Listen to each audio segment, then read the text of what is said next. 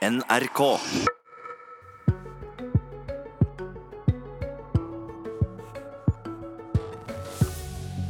Leierlønnsgaloppen er en hån mot de som faktisk gjør jobben i sykehusa, mener SV, som møter Høyre til debatt. Og kraftkampen i Arbeiderpartiet kan bli avgjort i dag. Partiledelsen risikerer å bli overkjørt. God morgen og vel møtt til Politisk kvarter. Som høyde i Dagsnytt i dag er det mange som tjener godt i Helse-Norge. Bare åtte av de 144 som sitter i ledergruppen i Helse Sør-Øst, tjener under én million. Helsepolitisk talsperson i SV, Nicholas Wilkinson, hvordan reagerer du på disse tallene? Jeg ble veldig sjokkert. Vi visste det sto dårlig til, men så dårlig trodde selv ikke vi. Lederlønningene har eksplodert de siste årene. Forskjellene i makt og rikdom øker dramatisk i Norge. Og jeg tror nok vi hadde stått oss mye bedre om vi i stedet sikret heltid og god lønn til sykepleiere, leger og helsefagarbeidere, som gjør den virkelige jobben i helsevesenet vårt. Sveinung Stensland, helsepolitisk talsperson i Høyre. Du reagerer ikke så sterkt som jeg hører Nicholas Wilkinson eh, gjør på disse millionlønnene. Du mener rett og slett det må være fint å, ta, å få godt betalt, også for ledere i helsesektoren? Topp, topplederne i helseforetakene de driver veldig store virksomheter, sånn som Helse Sør-Øst med 77 000 ansatte, som er tre ganger flere enn i Statoil, fem ganger flere enn i Hydro. Så det er, det, er det lett å forsvare at topplederne i sånne selskap skal ha en god godtgjørelse. Men når det gjelder eh, generelt på hele linja, så er jeg enig med Wilkinson at det er ganske mange som har gode lønninger lenger ned i systemet. Og det er ting som en bør ta tak i. og Det har jo helseministeren nå sagt at han ønsker.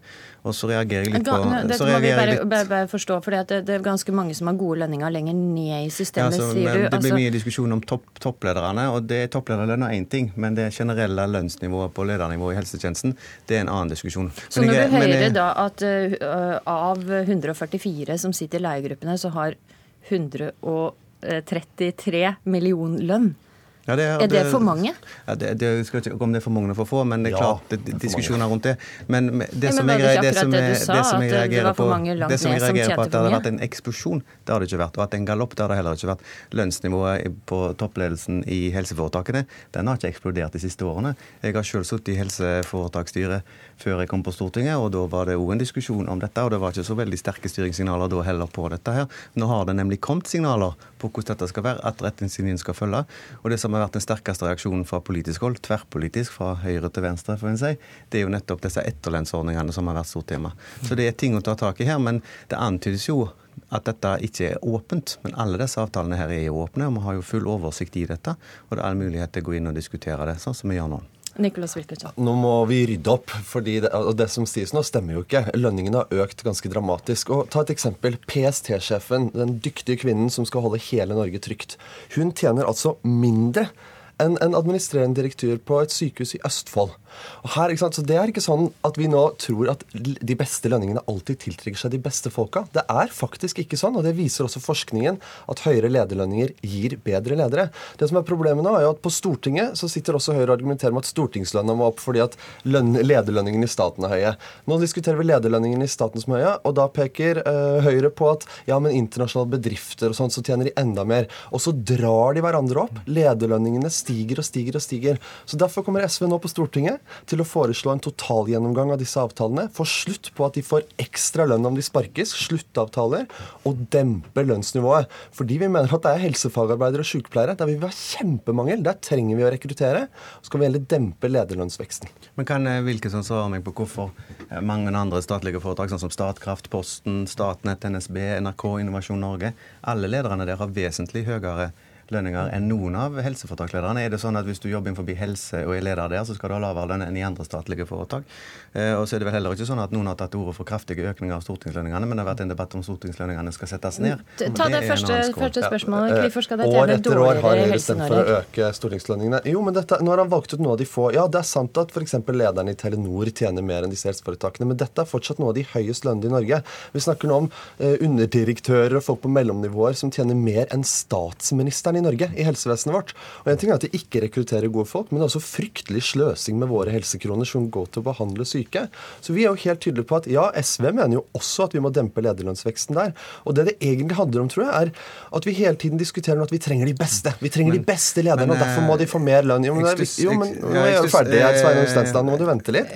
Bare at Poenget er at vi må rekruttere de beste lederne, så de må få stadig mer lønn. Hvorfor sier vi ikke det om helsefagarbeiderne og sykepleierne? De får hele tiden pressa lønna ned. Vi i SV mener at de som virkelig gjør jobben, som pleier våre eldre, det er de som fortjener lønnsøkning nå, ikke disse lederne som allerede har fått mye. Stensland, er det riktig at dette gapet mellom det de ansatte tjener og det leierne tjener, at det stadig øker?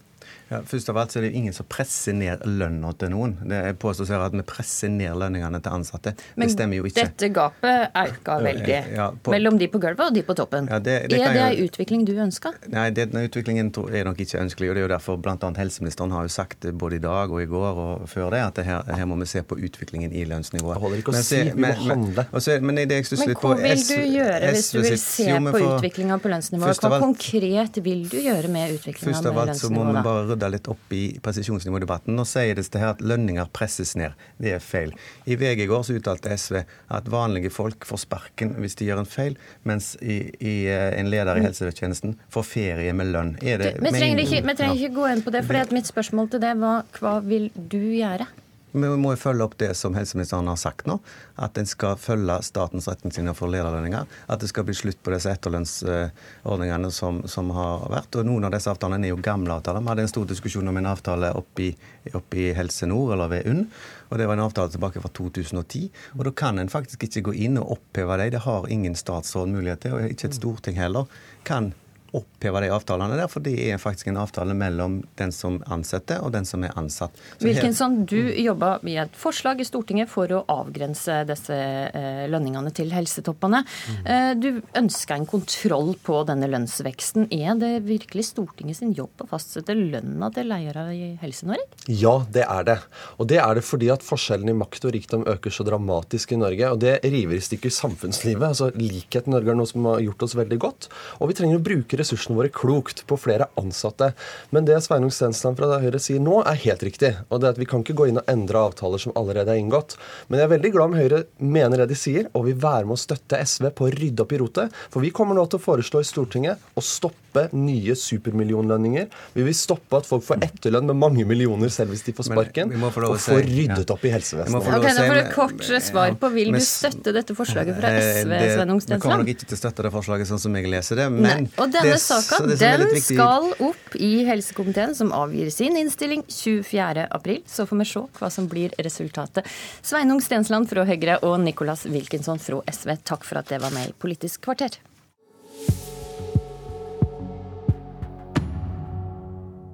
I dag tar Arbeiderpartiets stortingsgruppe trolig stilling til om partiet skal stemme for eller mot Noregs tilslutning til EU sitt energisamarbeid, også kalla ACER. Partiledelsen vil si ja, men som jeg hørte i Dagsnytt, er langt fra alle enig i det. Og før Ap sitt gruppemøte i dag skal landsstyret i Arbeiderpartiet møtes. Og inn fra sidelinja kommer et forslag de må ta stilling til. Berit eh, Tønnesen, leder i Kristiansund Arbeiderparti. Det er ditt eh, fylkeslag Møre og Romsdal som fremma dette forslaget, som skal opp til votering. Hva er det det foreslår? Nei, Vi foreslår at vi skal bruke mer tid på eh, prosessen. Og vi mener også at det må konsekvensutredes. Vi vil ha trygghet for at vi har full råderett over våre kraftressurser i dag og i framtida. Så det ønsker altså at eh, landsstyremøtet skal gå mot Leinga sitt syn og tvinge stortingsgruppa til å si nei til eh, ACER og energipakke 3? Ja, hvis at ikke vi får tetta igjen denne usikkerheten, som vi ser økende nå blant eh, folk, så mener vi at stortingsgruppa skal si nei. Partileder Jonas Gahr Støre fikk i går spørsmål om det var aktuelt å utsette denne avgjørelsen, slik du nå tar til orde for. Kan vi høre hva han svarer?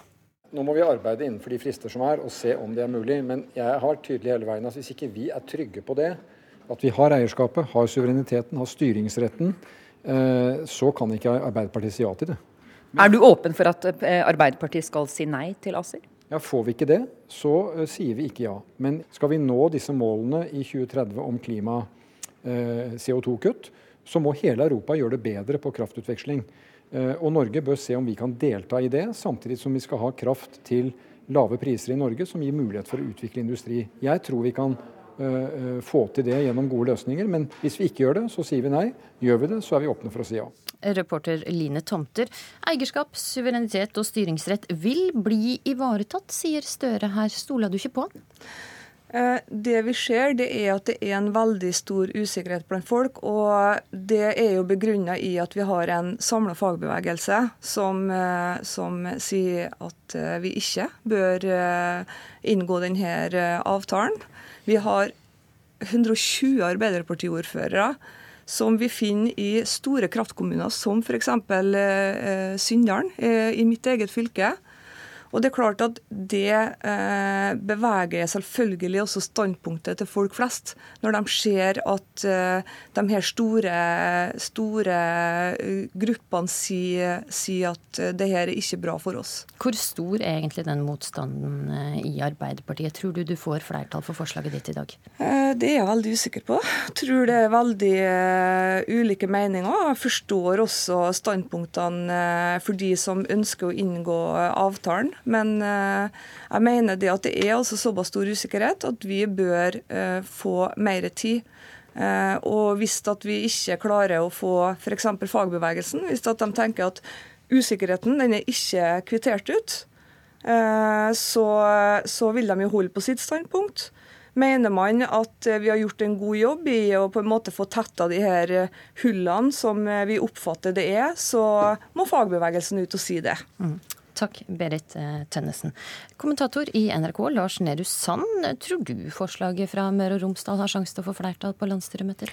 Det kan meget vel skje hvis det oppfattes som et forslag som både samler de som allerede har bestemt seg for å si nei, og de som eh, kan da si fra uten å si et endelig nei eh, ved å støtte dette utsettelsesforslaget på sett og vis. Da kan det samles samle støtte. Da jeg snakka med folk i går, så var det i hvert fall ingen som turte å si hvor stortings stortingsgruppa kommer til å lande eh, senere i dag. Nei, for hvis landsstyret eh, sier ja til forslaget fra Møre og Romsdal her, så tvinga det da stortingsgruppa også til å stemme mot eh, ACER og energipakke 3? Ja, jeg leser det sånn at da vil, eh, da vil stortingsgruppa måtte ta konsekvensen av det, og ikke støtte, eh, støtte det fremforhandla forslaget som Espen Barth Eide vil presentere for gruppa senere i dag, men måtte vente til fjerde energipakke, som man jo ikke vet helt når kommer, og som kritikerne mot Arbeiderpartiet da, ADO og LO sitt vedtak, advarer mot nettopp med, med tanke på forutsigbarheten for bransjen og frykt for reaksjoner fra. Hvor vanskelig vil det være for ledelsen i Arbeiderpartiet å måtte snu i denne saka? Dette vil være vanskelig uansett eh, hva de lander ned på. Det vil være betydelig oppmerksomhet og, og antagelig også fortsatt konflikt, eh, uansett hvilken side man, man lander på å støtte i, i, stortingsgruppa. Det er press fra regjeringen som trenger støtte, og som maner til ansvarlighet og forutsigbarhet i, i de lange linjene i utenrikspolitikken og EU-politikken. Eh, og så er det betydelig press, som vi, vi hører også fra, fra Kristiansund her, fra mange ordførere, fra fylkeslag, LO, AUF, på, på den beslutningen beslutningen. Altså Dette blir vanskelig uansett, men kan du forklare litt mer om hva for ulike konfliktlinjer som står mot hverandre i Arbeiderpartiet i denne saka nå? Ja, Det er jo det som gjør dette nær sagt politisk herlig komplekst, i den forstand at for noen handler det om de lange eh, linjene i EU-politikken. For noen handler det om å si ja eller nei, akkurat rent kraftpolitisk, til å stille forutsetninger til EU. Hvilke, eh, hvilken verdi har de forutsetningene, at Norge sier at man stiller det? For noen handler det om at kraftmarkedet også handler om solidaritet, miljø, eh, eksportere grønn kraft fra, fra, Norge, om så til nye utenlandskabler. For noen handler det om Senterpartiet som konkurrent. Arbeiderpartiet skal snart inn i en lokalvalgkamp, og mange fylkeslag merker det på, på kroppen. Eh, for noen handler det om også å svare ut dette med forlik med eh, Høyre og Frp, som man jo eh, så på etter valget. Og for noen så handler det om industriarbeidsplasser og, og deres forutsigbarhet. Så her er det mye som står på spill for mange.